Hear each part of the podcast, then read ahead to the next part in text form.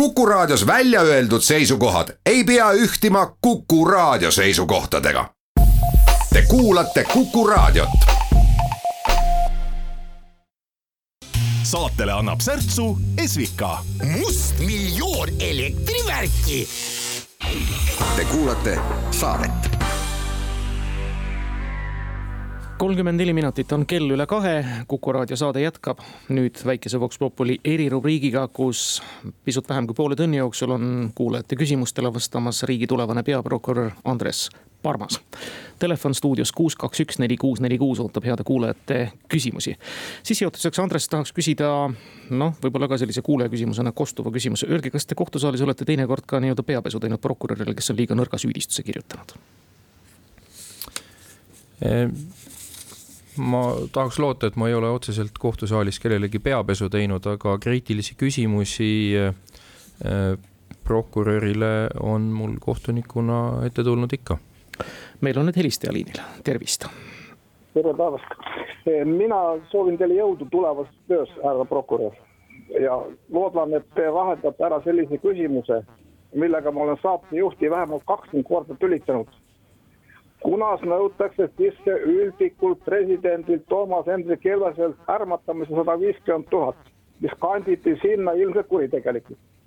esitasin sama küsimuse teie eelkäijale. Perling vastas niimoodi, pole kuriteo kahtlust tehtud. kõik lehed olid mitu aastat selle jutu täis. aitäh, jõudu tööle teile. nii, kas Andres Parmas üldse oskabki veel mitteametis oleva riigi peaprokurörina kommenteerida?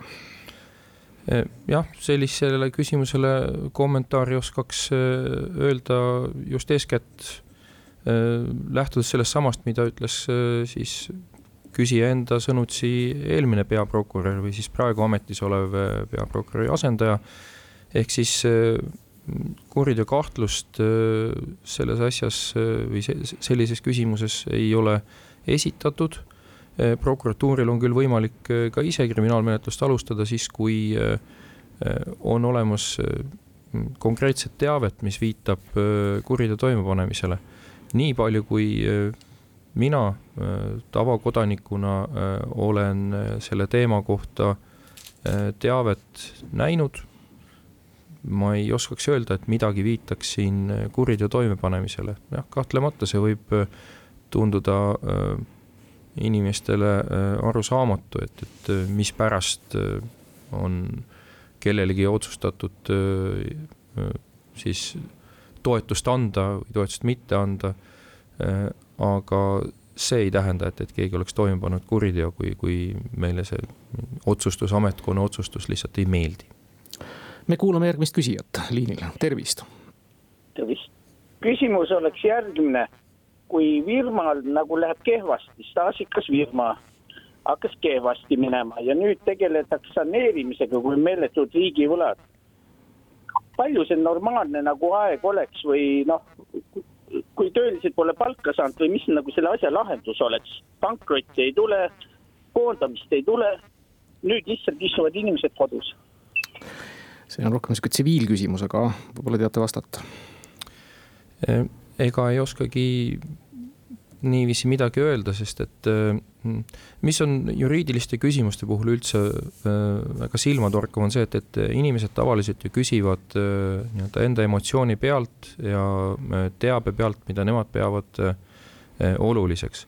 juristi jaoks on aga olulised võimalik, et hoopiski teised detailid, noh näiteks sellise küsimuse puhul alustuseks peaks ikkagi väga täpselt teadma, et millised konkreetselt on juhtumi asjaolud see, et on üks ettevõte, millel läheb halvasti ja äh, toimub saneerimine, kokkuvõttes ei ütle meile üldse õiguslikus mõttes mitte midagi. nii et äh, kahjuks äh, selliselt pinnalt sisulist vastust ei ole võimalik anda ei tsiviilõigust praktise-, praktiseerival juristil ega ka mitte prokuröril. Me kuulame järgmist küsijat, tervist! Tere päevast, mul oleks üks äh, niisugune küsimus, tähendab, äh, kohtus on kaks võistlevat poolt, prokurör ja advokaat, noh, kohtunik siis äh, mõistab siis õigust vastavalt sellele osaliselt päris kindlasti ka, et kumb pool on, on tugevam, osavam, rohkem tõendeid ja nii edasi. ja nüüd, kas ei ole selles kahes võistlevas pooles selles mõttes ebavõrdsus, et advokaatide honorarid üldiselt tunduvad olema oluliselt suuremad ja võidu puhul on advokaadi jaoks on see lausa noh, mitte elu küsimus, aga, aga väga oluline.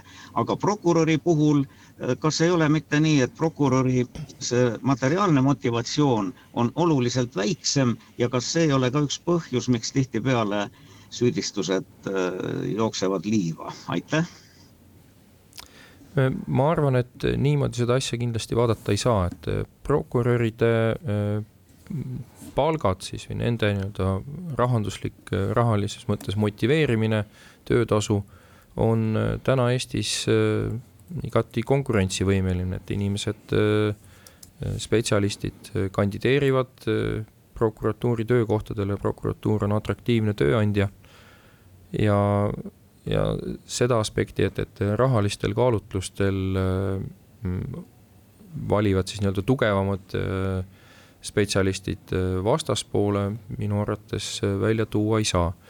Äh, ja see on üleüldse väga selline mm, tänamatu üldistus öelda seda, et, advokaadi poole peal on honorarid konkreetses kriminaalasjas näiteks või mõnes muus kohtuasjas oluliselt suuremad, kui, kui võiksid olla siis riiki esindava siis riigiametniku sissetulekud, et äh, kahtlemata esineb äh, juhtumeid, kus advokaat saab suure honorari, on sellised kokkulepped, aga pigem ma arvan, et enamasti ka advokaatide sissetulekud jäävad üllatus küll, aga täiesti nii-öelda mõistlikesse piiridesse, et need ei, ei ole mitte midagi kosmilist kuus, kaks, üks, neli, kuus, neli, kuus, meenutame kuulajatele telefoninumbrit ja helistamise ja küsimise võimalust, tervist.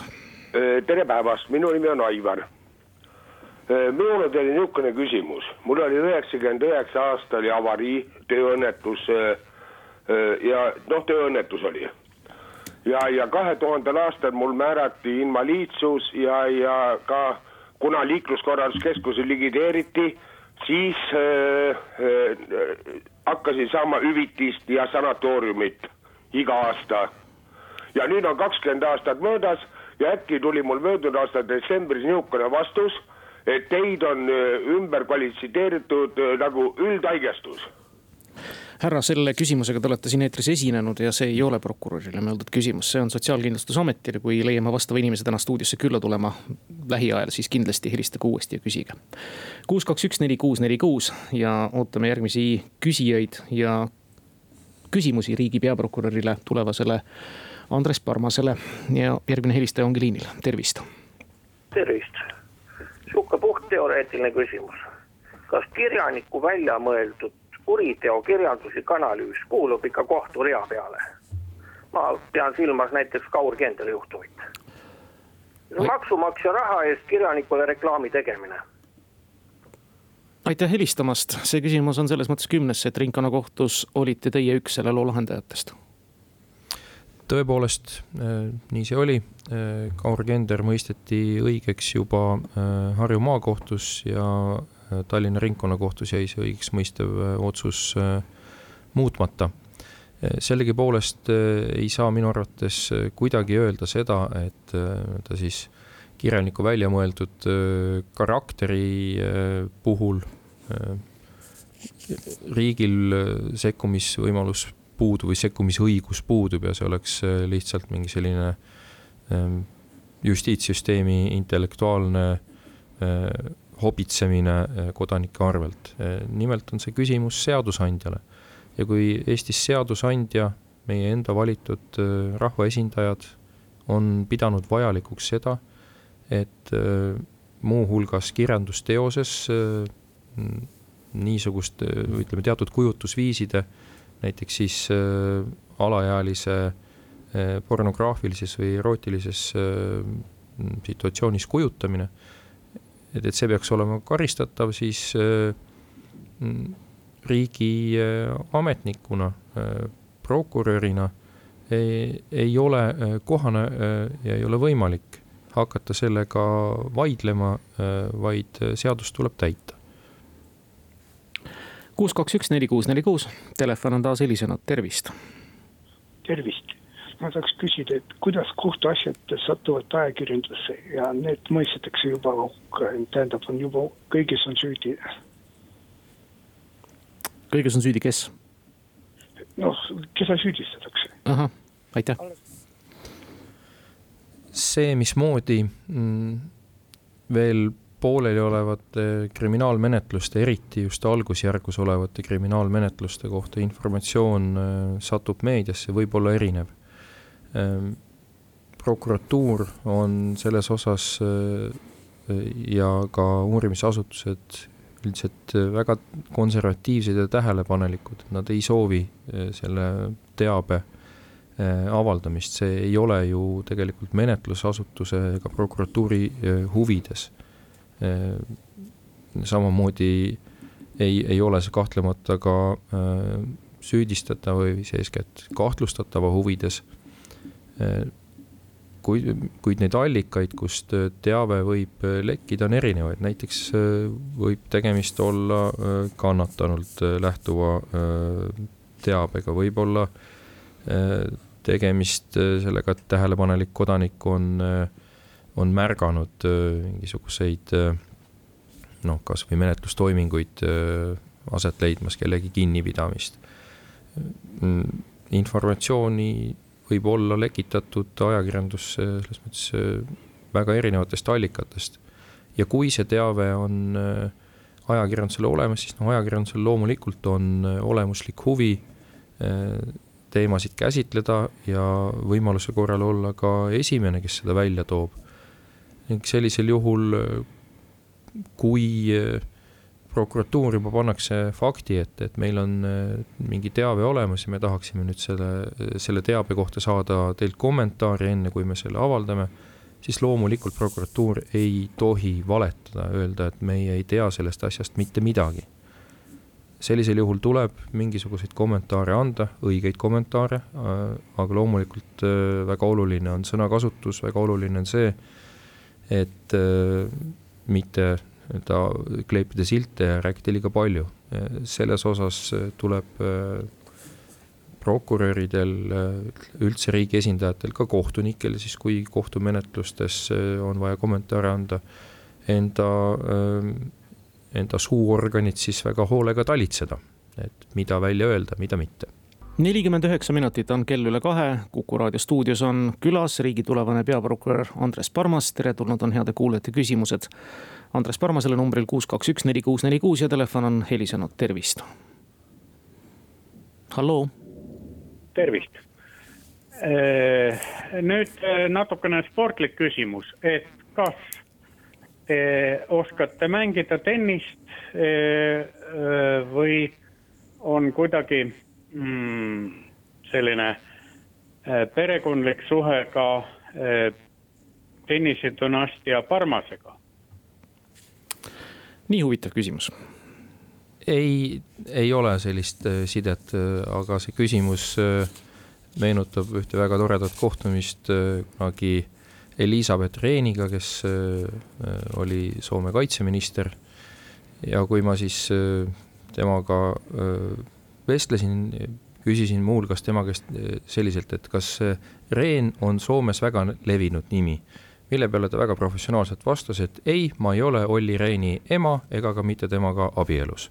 et Olli Rehn siis teatavasti oli eh, Euroopa Liidus eh, Soome, Soome-poolne siis mm, volinik, volinik. kuus, kaks, üks, neli, kuus, neli, kuus ja telefon on taas helisenud, tervist.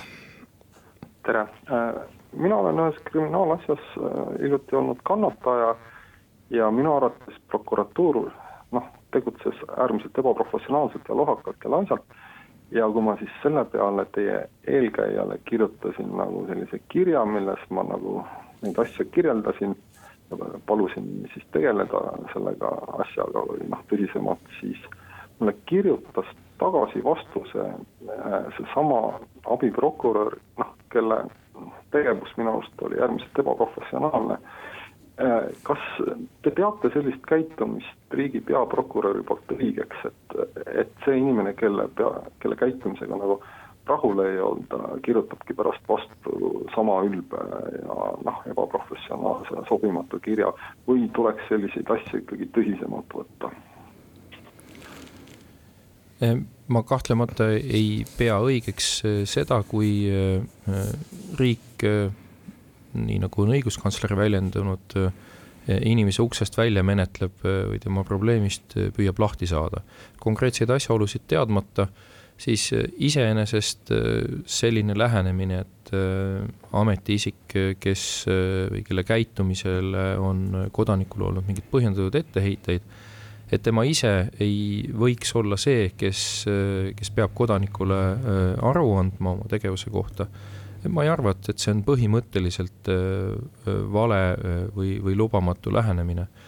oluline on just nimelt see, et, et mis on siis enne toimunud, et, et kas selle ametnikuga on, on siis nii-öelda ülemuste poolt, ülemuse poolt see teema läbi arutatud, on äh, ühiselt tuvastatud, milles tema võimalik siis äh, väärkäitumine või vale käitumine seisnes äh, ja kui ta siis ise vabandab, teeb ära selle, mille ta on tegemata jätnud või nii edasi. aga rõhutan, et konkreetse juhtumi asjaoludest ma ju praegu mitte midagi ei tea, nii et et ma kahjuks sellist personaalset vastust teile praegu anda kuidagi ei oska kuus, kaks, üks, neli, kuus, neli, kuus, telefon on taas vastanud ühe, võtnud vastu ühe kuulaja kõne, tervist. tere, äh, selline küsimus, et äh, arstidel on olemas Hippokratese vanne, mind huvitab, et kas äh, kohtunikel ka on niimoodi, et mul endal oli kunagi juhus, kus olin kohtus ja minu määratud nii-öelda riigikaitse, noh, riigikaitsja, riik, riigi poolt kaitsja, siis tema ei saanud oma ülesannetega hakkama ilmselgelt. aga teine, kes oli nii-öelda teisel pool oli siis nii-öelda hästi makstud, eks ole, ja, ja noh, tal jäi õigust üle, eks, mina jäin süüdi. Äh, no ilmselgelt mul ei olnud mõtet vaielda, sest et mul raha ei olnud too hetk, aga kohtunik oleks ju pidanud nägema, et asi on nagu paigast ära, et, et siin taandub asi nagu rahale, et, et inimene ei saa ennast kaitsta, kuna kohtunik, ütleme, see kaitsja lihtsalt ei tegelenud temaga, et jättis kõik nii-öelda õhku, aitäh. jah, loomulikult äh, kohtunikud äh, ametisse nimetamisel annavad ametivande. ja ka oma tegevuses nad kahtlemata lähtuvad sellest äh, antud ametivandest, lähtuvad seadusest äh, ja lähtuvad äh, enda südametunnistusest selle seaduse kohaldamisel. Eestis annavad vande ka kõik teised riigiametnikud, eks ole, et, et nad teenivad Eesti riiki ja rahvast, mitte nad ei tegutse iseenda nimel ja mis puudutab seda, et, et äh, raha võib saada määravaks kriteeriumiks või olla oluline kriteerium äh, kohtuvaidlustes, siis äh, nii palju, kui see on mõistlikult võimalik, tuleb sellele leida tasakaalustavaid mehhanisme. aga tõsiasi ta on, et inimesel, kellel on suuremad võimalused finantsiliselt, on, on loomulikult ka kergem leida siis äh, kvalifitseeritud äh, abi, võimalik põhjalikumalt võib-olla mingisuguseid küsimusi ette valmistada, mingisuguste teemadega äh, tegeleda paar välkküsimust veel saatejuhi poolt ka, me ei jõua enam kahjuks kuulajate kõnesid vastu võtta. tsiteerin, sõbrad, see on kolm punkti, korruptsioon igal tasandil, broilerluse üks kesksem taimelava ebaaususe ja valelikkuse verstapost, võimetud enda väärtegusid ausalt omaks võtma. räägime korruptsioonist, need olid teie enda sõnad. Äh, räägime korruptsioonist, äh, sellest igal tasandil, mulle tundub, et see on teil väga südameasi. korruptsioonijuhtumeid on ka sel nädalal avalikuks tulnud kahtluste tasandil Lõuna-Eestist, kus eriprokurör Margus Kross on asjaga tegelenud, vähemasti kommentaare jaganud paraku on nüüd lõunast tulnud äh, korruptsiooniasjad äh, suhteliselt hapuks läinud ja kohtus on need asjad õigeks läinud. kas te võtate selle loo endal südameasjaks, vaadata üle, mis seal siis õigupoolest toimub ja miks korruptsioonikuritegusid näiteks kohtus veenvalt ära ei tõestata?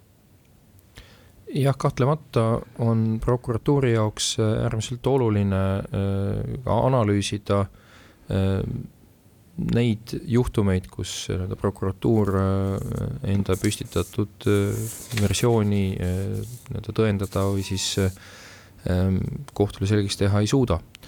Ähm, ja sellel tuleb silma peal hoida jätkuvalt. ning korruptsioonikuritegude puhul on see kindlasti väga-väga oluline ega teil nüüd enne ametisse minemist süda ei valuta Danske rahapesu väga massiivse asja pärast, kus paraku tugev prokurör noh, otsustas minna isapuhkusele? valutab küll. see on Eesti riigi jaoks äärmiselt olulise tähtsusega probleem, ehk siis need toimunud rahapesujuhtumid, mitte ainult kahtlustused, mis puudutavad Danske panka, vaid ka muud kahtlused, mis, mis rahapesu osas Eesti, Eestis esinevad, aga mis puudutab nüüd seda konkre-, konkreetset kriminaalmenetlust, siis jah, loomulikult äh, on see äh, murekoht, kui äh, prokurör, kes äh, asja äh, menetlemise eest vastutas, nüüd äh, on praeguseks tööl teemal äh,. aga nagu ma olen juba korra öelnud prokuratuuris töötab umbkaudu sada seitsekümmend prokuröri ja nende hulgast äh, kindlasti me leiame äh, äh, inimese, kes või need inimesed, kes seda tööd jätkavad. viisteist aastat on meil kestnud nüüd kohtutes võistlev menetlus oma põhimõttega, kas teie hinnangul, te olete kohtus seda palju näinud, pääseb rohkem esile tänu sellele tõesti, kas veenvam esitlusoskus ja tõendid on pigemini vajunud tahaplaanile? Ehm, ei. oluline on siinjuures nimelt see, et äh, Eestis toimub äh, ka võistlev kohtumenetlus äh, professionaalsete kohtunike ees, jah, meil on olemas rahvakohtunikud, aga ei toimu siis nii-öelda teatrit, mida tehakse või show'd, mida tehakse ähm, vandekohtule, keda on võimalik siis vähemalt see on, see on filmides, üks selline jah, mida võib ka filmides näha, et, et eh, nii-öelda ära rääkida, mustavalgeks rääkida, et professionaalset kohtunikku, eh, eriti meie kolmeastmelises kohtusüsteemis, kus toimub ju ka kahekordne järelkontroll, eh, neid ära rääkida on ikkagi väga ebatõenäoline ja lõpetuseks tahaks lihtsalt jah-ei vastust, kas teie kohtunikuna oleks andnud Tallinna Sadama kaasuses äh, noh, sellise käsu, et ajakirjanikud või avalikkus ei tohi seal kõneldavat kajastada? Äh, ka sellest äh, probleemist, ühe sõnaga ei saa vastata, mhm. et ka sellest probleemist on, on varem juttu olnud. ja probleemi olemus on selles, et, et kohtupidamise avalikkust loomulikult see on väga oluline printsiip aga see ei tohiks kolida teistpidi ajalehe veergudele.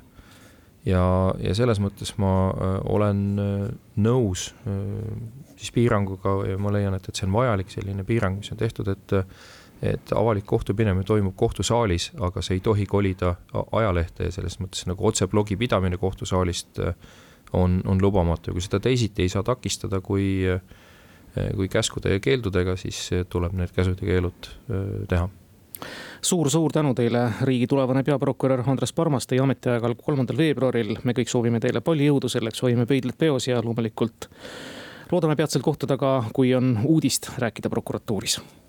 tänu